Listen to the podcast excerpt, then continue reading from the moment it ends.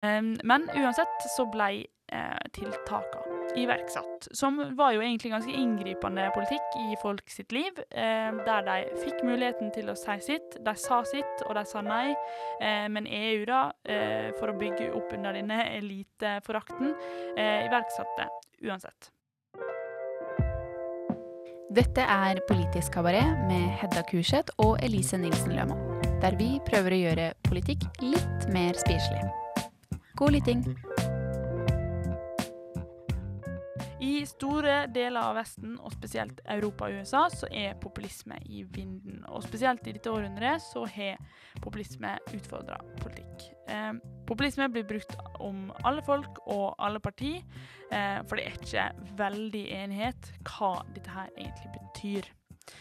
Eh, men det som er sikkert, er at dersom noe eller noen er stempla som populist, så blir det ofte avfeid. og Eh, det blir ikke respektert som fakt, en faktisk politisk motstander. Um, noen ser jo på populisme som en diskurs, eh, andre en ideologi, og noen ser jo på dette her som det som blir kalla en tynn ideologi. da, At det trenger en ideologi i tillegg. Eh, men det det er enighet rundt, er jo at essensen av populisme er at man da opprettholder eh, og bygger opp dette forholdet mellom folket og eliten. Um, og man ser i hvert fall en tendens eh, at dersom folk ikke føler seg hørt i politikken, eh, så kan populisme være noe man tyr til, eller noe man føler seg hørt av. Um, og én eh, ting er at de er enige om folket og eliten, men hvem som er eliten, og hvem som er folket, er ikke populistene helt enige om heller. Og det er jo der det kommer inn dette her. Hvor ligger populistene på venstre- og høyreaksen? Vi har jo venstre, og vi har høyrepopulisme. Um, men det som er enigheten, er jo at der er folket, og der er eliten. Og Trump han snakka jo om the silent majority. Eh, Farage i Nederland snakka om the People's Army. Og Le Pen i Frankrike snakka om the forgotten France. Eh, og det er jo sånn de omtaler dette folket, da. Eh, og de som stemmer på disse her, som faktisk er en god del eh, folk, blir jo kalla hillbillies, du har rednecks. Eh, og i anledning brexit så sa David Cameron, tidligere statsministeren i Storbritannia, sjøl at de som var for brexit, var fruitcakes og closeted racists. Um, men dette her, populisme er jo ikke noe nytt. Uh, men aldri før så har de hatt så mye gjennomslag og oppslutning uh, som i dag. Spesielt da i Europa og USA. Og realiteten er jo at Trump ble valgt til president i USA, og folk stemte for brexit. Eh, så kanskje må vi ta folket og eliten eh, på alvor.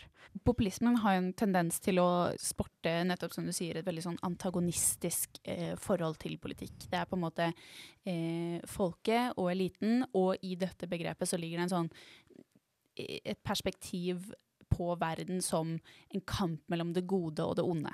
Eh, og populistene er jo da selvfølgelig gode, de gode. Um, men hvorfor blir det sånn? Eh, du var inne på det litt her i stad. Altså, vi har eksempel, vi har populisme i Norge også. Et av verdens beste land der folk jevnt over har det ganske bra, eh, og hvor demokratiet funker sånn som det skal. Altså, ja, det høy representasjon. Absolutt. absolutt. Vi, jo, altså, vi har til og med et parlamentarisk system, og vi er notoriske for våre eh, koalisjonsregjeringer. Så hvorfor føler ikke folk seg representert her? Eh, to eh, teoretikere som har eh, lagd en liten teori på dette er Eatwell og Goodwin, eh, som da skriver om nasjonal populisme. Som er det vi har veldig mye av i Europa, eh, og som jeg er veldig godt eh, kjent med bl.a. fra Frp. Populistene våre. og det de sier, det er at eh, nasjonalpopulismen de eh, bygger på fire dype sosiale endringer som har skapt bekymringer for mange i den vestlige verden. Eh, og de kaller disse da for eh, de fire d-ene, eh, som da gir kraft til populistiske bevegelser. Ja, og det må jo, jeg må jo legge til her at Eatwill og Goodwin er jo av de eh, mer konservative eh, teoretikerne vi har, da. Så, så, jeg vil si at de er eh, relativt Eller av den rause sorten, da, ja. med nasjonalpopulistene, som, som virkelig prøver å og forstå, forstå hvorfor. Mm. Eh, så eh, ja, det er mye politikk her, men det er også mye sånn sosiologi og mm. atferds eh, eh, på en måte forskning, da, på mange mm. måter. For disse eh, fire d-ene, eh, de bygger jo veldig mye på følelser, rett og slett. vi har, den første er distrust, som da bygger på at den elitiske naturen til det liberale demokratiet har skapt en følelse hos mange at de ikke lenger blir hørt i den offentlige debatten eh, politikere beveger seg stadig lengre fra massene. Eh, og så er det nummer to, som er destruction. Eh, altså at økende innvandring og globalisering har skapt en frykt for at den nasjonale identiteten står i fare for å bli ødelagt. Deprivation, eh, som da handler om at den neoliberale og globaliserte økonomien har ført til et relativt tap av håp for en bedre framtid. Eh, og jeg sier relativt her, for det er ikke sånn at det nødvendigvis er sånn at vi har det så veldig dårlig. Men vi er redd for at, eh, at vi kommer til å få det dårligere. Eh, altså det er et relativt eh, dårlig forhold til andre i samfunnet. Eh, og så er det den eh, fjerde, som er de-alignment, altså svakere bånd mellom folket og de tradisjonelle, gjerne mer moderate mainstream-partiene. som gjør at partisystemet blir mer volatilt. Eh, volatilt betyr eh, ustabilt, rett og slett. At vi får sånn som vi har her i dag, da, at eh, i, i Norge f.eks. at eh, de to eh, største partiene stadig vekk får mindre oppslutning, og at den på en måte tradisjonelle tilknytningen eh, folket har til sitt parti, eh, gradvis forsvinner. Ja, så, så, det er ikke eh, helt åpenlyst hva du stemmer. Eh, hvis vi ser på liksom alder og klasse og, eh, og kjønn, eh, så er ikke, er ikke det. For vi, vi, vet ikke hva folk kommer til å stemme eh, om fire år, på en måte, mm. fordi folk bytter parti. Det er egentlig det det betyr, da. Absolutt. Det er ikke sånn at du på en måte, hvis du er født inn i Arbeiderpartiet, så stemmer du automatisk på eh, Arbeiderpartiet. sånn er det på en måte ikke lenger, da. Og det gir jo rom for nye partier også. At eh, du kan eh, raskere enn før etablere nye partier. Mm. Um, og jeg, jeg, sa jo at uh, dette i stor grad bygger på veldig mye følelser. ikke sant? Og de har den, altså på en måte følelsen av at de ikke lenger blir representert. Vi er redde for den nasjonale identiteten. Um, vi uh, er redde for den relativt dårlige økonomiske framtiden. Um, og vi føler svake bånd til partiene, ikke sant. Um, og jeg vet ikke om dere har hørt uh, den første episoden vår, som handlet om uh, demokratiet.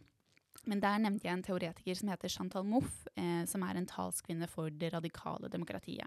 Og hun støtter venstrepopulisme. Og det hun mener, er jo nettopp dette, at det liberale demokratiet har feilet fordi at politikken har beveget seg for langt fra følelsene. Vi tar det ikke lenger til etterretning, rett og slett. Vi er for opptatt av det rasjonelle. Eh, men det ser vi jo nettopp her, at følelsene teller jo. Eh, fordi det som skjer, er at nettopp disse fire d-ene de mobiliserer store velgermasser. Så disse følelsene er jo definitivt eh, legitime, da. Ja, for eh, ja, som, som, du understreker, og vi, vi, kan ikke understreke nok, at det er på en måte en, en følelse av f.eks. at du mister arbeidsplassen din, sånn som du, du ser. sånn så Akkurat med dette med arbeidskraft, eh, så viser jo eh, mye sånn eh, økonomisk forskning og eh, politisk forskning at sånn der er ikke en reell trussel eh, når det kommer til arbeidsinnvandring. Men folk eh, føler det. Eh, og OK, det er ikke en faktisitet, men det er reelt når det kommer til eh, velgeroppslutning. For det er jo her du må ta det valget, da. Og selvfølgelig er det på mange måter basert på eh, følelser.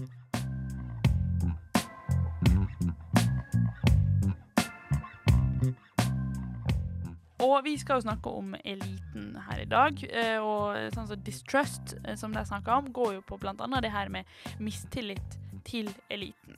Eh, mange nasjonalpopulistiske partier er jo eh, euroskeptiske. Det ble jo eh, danna som et eh, økonomisk eh, fellesskap i 1958, og eh, spoler vi litt fram, så skulle ikke det lenger være bare et økonomisk samarbeid, men også et politisk og sosialt samarbeid. Eh, og denne prosessen er jo det de kaller europeisk integrering. Eh, som da eh, Altså, resultatet av dette her har jo ført til brexit, blant annet. Så vi vet jo på en måte litt hvor den går. Eh, og den eh, prosessen har blitt kritisert, fordi at eh, mens de europeiske statene kjørte ut denne europeiske integreringa som politikk, så glemte de kanskje å gjøre folket bevisst på fordelene av det. Um, og eh, det er jo det folk kaller eh, pessimistisk eh, konsensus, um, som betydde at denne debatten ble på en måte en del av det politikerne og byråkratene snakka om, men det så ikke ut som at folket på en måte tok del i det. Eh, fordi at eh, Mange var jo overraska når eh, brexit At britene stemte for. Men hvis vi ser på f.eks. i 1975, da det var folkeavstemning i Storbritannia, så ble ikke det noe sånn overbevisende flertall der heller. så den britiske befolkninga har aldri vært kjempetilhengere av EU. Um, og spesielt det, eh, hvis vi går litt lenger mot 2000-tallet, og du har sånn så eh, skulle, Mange land skulle stemme over det som var sånn EU, eh, statsborgerskap. Eh, og det skulle også være eh, på et tidspunkt var det snakk om ei EU-grunnlov. Så var jo dette her sånn ganske Det høres ut som ganske drastisk sånn integreringspolitikk. sant? Et stort Europa, du skulle ha en europeisk eh, personlig identitet osv. Um, og um, det var ikke stor entusiasme rundt denne politikken her. Og eh, en del av det var jo det som gikk på eh, fri flyt av arbeidskraft. For er det én ting Um, som vi snakka litt om. Eh, nasjonalpopulister er jo eh, veldig skeptiske til eh, arbeidsinnvandring, fordi at det, det er en frykt for at du sjøl skal miste arbeidsplassen din. Og eh, fri flyt av arbeidskraft er jo en viktig sak eh, for EU. Um, så mange støtta jo også det, men mange så på det som sagt som en trussel mot egen suverenitet eh, og levemåte. Og spesielt i Storbritannia så var dette her et eh, veldig eh, stort problem, som ble igjen sentrale da under folkeavstemninga eh, om brexit. Og denne misnøyen til EU den ble spesielt sterkere under finanskrisa 2008-2009. Eh, for da var jo det kjempestor gjeldskrise i Europa. Eh, og da eh, skulle på en måte EU være et slags sikkerhetsnett i dette her, og baile ut masse av disse økonomiene som, som da kollapsa. Eh, Lise, du er jo økonomiekspert. Hva betyr å baile ut en økonomi? Nei, det var jo da EU som rett og slett tilbød penger da, til til statene, men i bytte mot ganske strenge eh, austerity measures, da, eller strenge krav om å kutte i offentlige utgifter. Um, så det, det, gikk jo på en måte hardt ut, utover befolkningen, men uh, det reddet på en måte den, den, nasjonale økonomien, da kan man på en måte si. Eh, fordi at eh, det eh, krevde jo at de f.eks. førte en streng skattepolitikk og kutta i sosiale utgifter, eh, som du sa. Eh, så mange var jo egentlig skeptiske til det her, og noen land hadde jo også folkeavstemning mot disse krisetiltakene fra EU. Eh, som, ble, som, det var et veldig stort nei fra den europeiske eh, befolkninga, i hvert fall i disse verste landene som Hellas og Italia f.eks. Eh, men uansett så ble eh, tiltakene iverksatt, som var jo egentlig ganske inngripende politikk i folk sitt liv, eh, der de fikk muligheten til å si sitt. De sa sitt, og de sa nei. Eh, men EU, da, eh, for å bygge opp under denne eliteforakten, eh, iverksatte uansett. Um, og um, det ble gjort en, en, undersøkelse i den anledning, og det viste jo at uh, eh, 79% av de italienske og 86% av uh, den greske befolkninga var helt enig. Vår stemme i EU betyr ingenting. Det er jo ganske stor andel av befolkninga. Um, og samtidig så var den europeiske politiske eliten, uh, 73% av den, uh, følte at de hadde fått noe ut av et medlemskap mens 34% av befolkninga ellers var enig i det. Um, Så dette viser jo eh, en sånn overentusiasme fra den europeiske politiske eliten, eh, som på ingen måte har eh, samstemt med befolkninga ellers. Eh, og det har jo faktisk eh, Donald Tusk eh, sagt seg enig i. Han er da tidligere president i Europarådet, og har sjøl sagt um, Obsessed with the idea of instant and total integration, we fail to notice that ordinary people, the citizens of Europe, do not share our euro enthusiasm. Så eh, på bekostning av dette her, så ser jo vi den politikken som er eh, relativt vanlig i Europa nå, en anti-EU eh. Eh, for eksempel eh, Gert Wilders i Nederland har gjort det veldig bra. du ser at den franske, de franske politikerne er i stor grad eh, euroskeptiske. Og i Tyskland så har du et på en måte antieuropeisk alternativ som har fått oppslutning. Eh, og det samme er det i Italia. Så det er jo på en måte den eliten som de snakker om, Eh, og her er jo eksempel EU, da. Eh, ja, det er jo på en måte hold i det. Absolutt. Det er på en måte eliten som får sine meninger gjennom. Det ser ja. man jo ganske tydelig.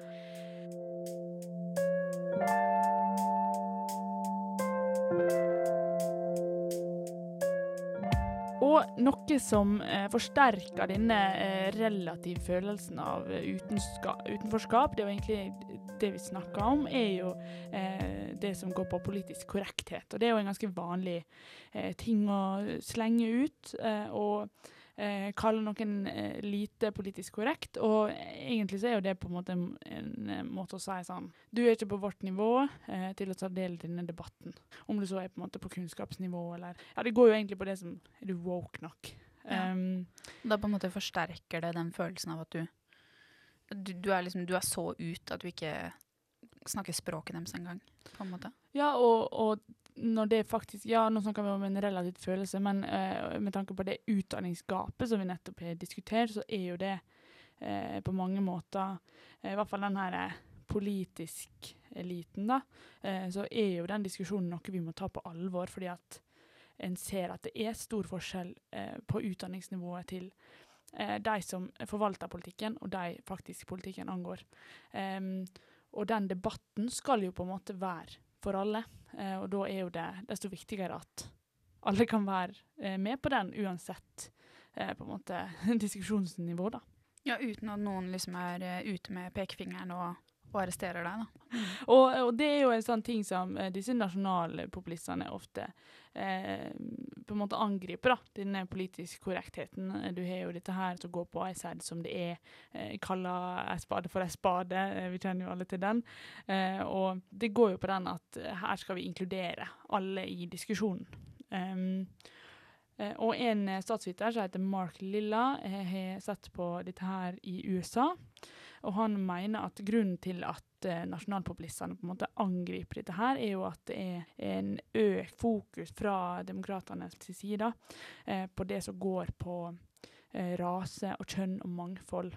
Ja, og ikke det som går på sånn tradisjonell venstre-bekymringer. Eh, bedre forholdene for alle arbeidere, eller eh, håndtere liksom generelle ulikheter. At du har denne fikseringa på enkelte eh, grupper. Og da er jo det på en måte Det er jo en grunn til at eh, en har eh, større fokus på marginaliserte grupper nå enn en hadde før, f.eks. Og eh, det er jo eh, et godt poeng, men han mener på en måte at Eh, det er den fikseringa som gjør at nasjonalpopulistene angriper det. Eh, og litt av problemet, mener han, er jo at mange liksom uh, unge liberale er på en måte det han kaller narsissistisk uviten. da. At du uh, fokuserer på disse her uh, gruppene utenfor deg sjøl. Uh, F.eks.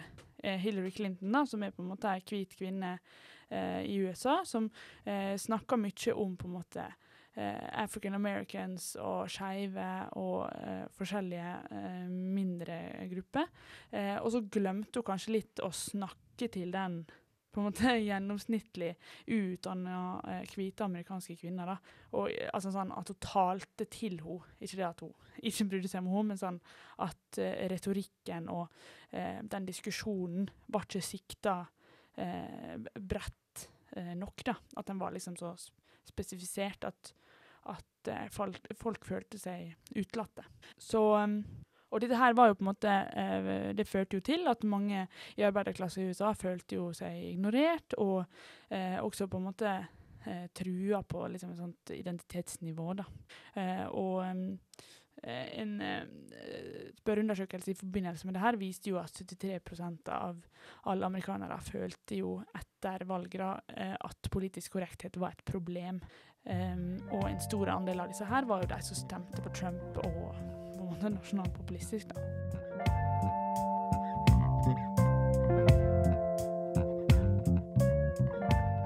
Ja, det er kanskje noe med dette at, at denne politiske korrektheten polariserer eh, samfunnet litt. Jeg vil jo si at dette med at vi ikke vil snakke med de som ikke er politisk korrekte etter meg, det kommer veldig godt fram eh, på sosiale medier. Um, og da snakker jeg ikke bare om liksom sånn Det er jo ikke alle som blir kastet ut av Twitter og Facebook, sånn som Trump. Eh, men det er jo veldig mange som har kanskje ikke så uh, korrekte meninger, da. Uh, som opplever å få innleggene sine fjernet mm. eller sensurert på sosiale medier. og på liksom disse store plattformene. Ja, for sånn, Ikke bare har de på en måte blitt kalt eh, rasister eller eh, hillbillies eh, på en måte i diskusjonen, men de har i noen tilfeller blitt eh, i hvert fall mener de selv, på en måte sensurerte. da, eh, Fordi de ikke greier å være på det samme nivået på, på diskusjonsmessig. Eller noen andre støtter det nivået da, som de ikke mm. greier å møte. Um, og da tyr jo de til uh, Ja, for det er nettopp det. ikke sant? Vi ser så godt hvordan dette skaper et polart samfunn, da, hvor du har liksom to camper. Eh, fordi det som har skjedd da, i 2021, det er jo den store lanseringen av en ny sosialmedieplattform som heter Getter. Eh, for de som ikke fikk med seg dette, så skjedde det i juli, tror jeg. Eh, og eh, er da rett og slett en sosial medieplattform for eh, ganske ja, jeg vil si ekstremt konservative republikanere i Amerika. Eh, og i, eh, jeg hadde litt lyst til å gå inn og se her eh, selv, jeg skal være helt ærlig på det. Eh, men jeg gadd ikke å lage meg selv en egen konto. Men det man i hvert fall får med seg da, hvis man går inn på Getter sine sider, det er sånn stort velkommen-skilt, og så står under den flotte teksten her. A brand new social media platform formed under principles of free speech, independent thought, and the rejection of cancel culture. Here you can share your thoughts and ideas without the fear of political censorship. Let's make social media fun again. Oi. Det er flott. Men eh, får en innblikk i da, Getter uten å ha en profil? Nei, man får faktisk ikke det. Oi, mm. Men jeg tror for så vidt ikke man får det på Facebook heller, når jeg tenker meg om. Men det er av og til du kan, hvis du googler noe, og så, hvis du på en måte blar til sånn side fire på Google, hvis du er veldig desp i googlinga di, så får du opp sånn Facebook-innlegg. Ja, det er sant, det. Ja. Mm. Hvis det er på en måte offentlig. Ja, det er sant. Mm. I hvert fall eh, profiler og sånn, da. Mm. Mm. Men, eh, men, det er jo veldig eh, morsomt det her med at de eh, fremmer free speech, og så må du på en måte være medlem og ha profil og alt sånt der. Ja, for. Eh, er det gratis? Eh, det tror jeg. Ja. Godt. For alle. det er bra. Sant? Ja, det er veldig, veldig sånn ekstremt uh, demokratisk, dette, da. Men eh, det som er eh, ganske sjukt med Getter eh, For det har jo vært journalister som har rapportert på innholdet som er på Getter, og det de sier, det er at det florerer av rasistiske, antisemittistiske og terroristisk propaganda. Eh, og holdninger. Eh, og så har det også dessverre vært flere tilfeller av barnepornografi. Eh, og det er ikke sånn at som vi nettopp sagt, sånn at liksom disse tingene ikke finner sted på andre sosiale medieplattformer. Eh, men på f.eks. Facebook og Twitter så er det en del mekanismer, som f.eks. automatisk filtrering, eh, og bl.a. også samarbeid med internasjonale eh, og ikke-statlige organisasjoner som The Global Internet Forum for Counterterrorism, eh, som på en måte er til stede og sørger for at ting blir filtrert før det kommer ut eh, og spredt.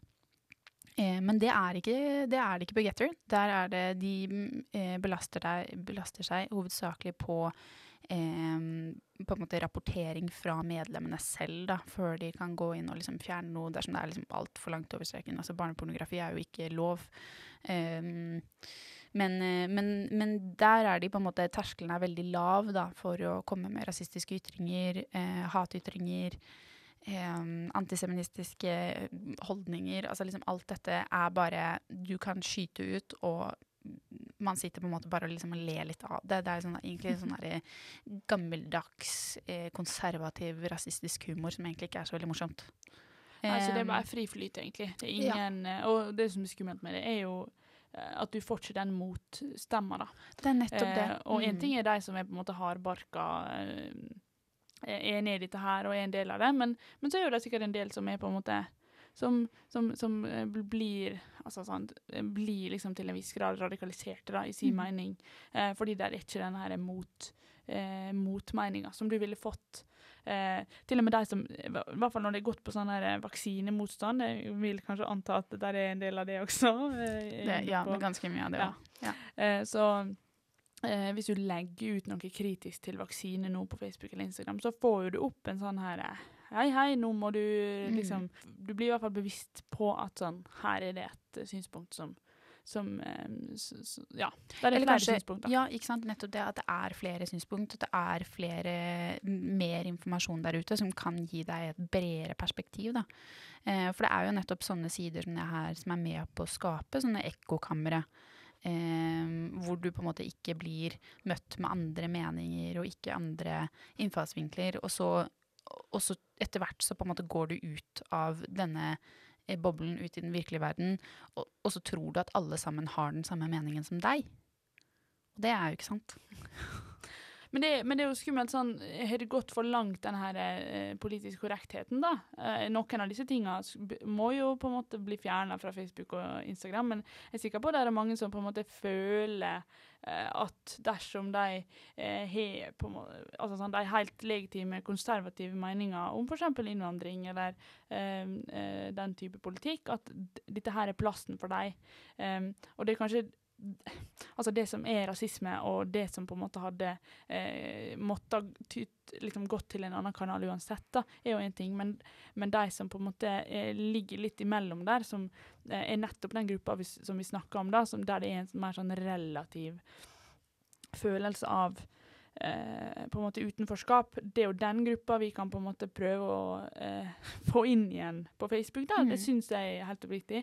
Um, og eh, sånn som i USA, så har du en, og flere land, andre land også, så har du denne her kulturen med at du f.eks. sletter venner på Facebook dersom de er ja. republikanere og sånn. Rett og slett sånn rett fram At du canceler dem, da, som det heter. Ja. At du, du hører ikke meningen deres engang. Ja, og det er jo sånne ting som eh, alle er med på. Uansett vei, selvfølgelig. da. Altså, mm. Du kan være eh, på en måte mot det liberale også, men, men det er jo den delen som eh, gjør at den Hva skal jeg si, da? Eh, diskusjonen blir på en måte ja. Den blir snever. Eh, mm. og det, det, blir ikke en diskusjon lenger. ikke sant? Det er kanskje noe med det, at vi, vi slutter å kommunisere med andre som har andre holdninger enn oss. Mm. Jeg vil jo si, absolutt si at det på en måte er en grunn til at politisk korrekthet er politisk korrekt. Det, det, er, eh, det er, gode grunner til å, være, å, prøve å være mer politisk korrekt. Mm. men, um, men, det betyr ikke nødvendigvis at dersom du blir møtt da, med en annen eh, mening, eller f.eks. rasistiske ytringer eh, på litt mer sånn hverdagslig plan, da, eh, så betyr ikke nødvendigvis det at du på en måte ikke skal høre på den andre personen. Du ikke skal cancele dem, da. Det løser ikke problemet. Nei. Og at sånn, ja, en burde bruke riktig begrep, og en burde omtale ting på en ordentlig måte og sånn, og, eh, men, men, akkurat eh, mange tar jo den følelsen av at OK, men jeg sier ikke ting riktig, jeg vet ikke helt eh, hvordan jeg skal snakke om ting. Um, det går jo videre i på en måte politikken, og det utarter seg jo på en måte i valgresultat og liksom sånn vi må på en måte ha en sirkulær diskusjon der alle meninger på en måte florerer, og det er plass til alle. Eh, det vil jo på en måte, eh, på en måte komme oss nærmere eh, konsensus, også bare den følelsen av at eh, det er jo den eh, diskusjonen som på en måte vi har med hverandre i, i, i hverdagen, som på en måte det representative demokratiet skal plukke opp. Så den diskusjonen må jo være der. Men, eh, men jeg kjenner jo sånn rent personlig, når jeg ser at jeg har venner på Facebook som er med i Mm. ja, mannegruppa Ottar, da har jeg vært inne på og tenkt sånn Du skal jeg unfriende. Men igjen da, så har jo jeg et eksemplarisk moralsk kompass som tenker nei da. Du er eh, vi- del av the mainstream. ja, jeg skal ta den diskusjonen med disse karene. Det er bra. Det er bra. Det er bra. Du har hørt lyd fra Elise Nilsen Lømo og Hedda Kurseth. Denne produksjonen er tilknytta Studentradioen i Bergen. Vi må gi en eh, liten takk til Gjøri Marie Haugen for bidrag til å utvikle denne podkasten. Takk til Andreas Siem, som har produsert og spilt inn musikken dere har hørt. Takk til Andrea Olsen, som har tatt bilde, og takk til Signe Wolfeil for illustrasjonene. Dersom du vil lese mer om eh, det vi har snakket om, eller du for så vidt er helt uenig med oss, eh, så legger vi alle kildene våre på Instagrammen vår. Eh, Der kan du også gå inn og trykke følg, så vil du få varsler hver gang vi kommer ut med en ny episode. Produksjon, klipp og innhold har vi stått for sjøl. Det her har vært Politisk kabaret med Elise Nilsen Lømo og Hedda Kurseth.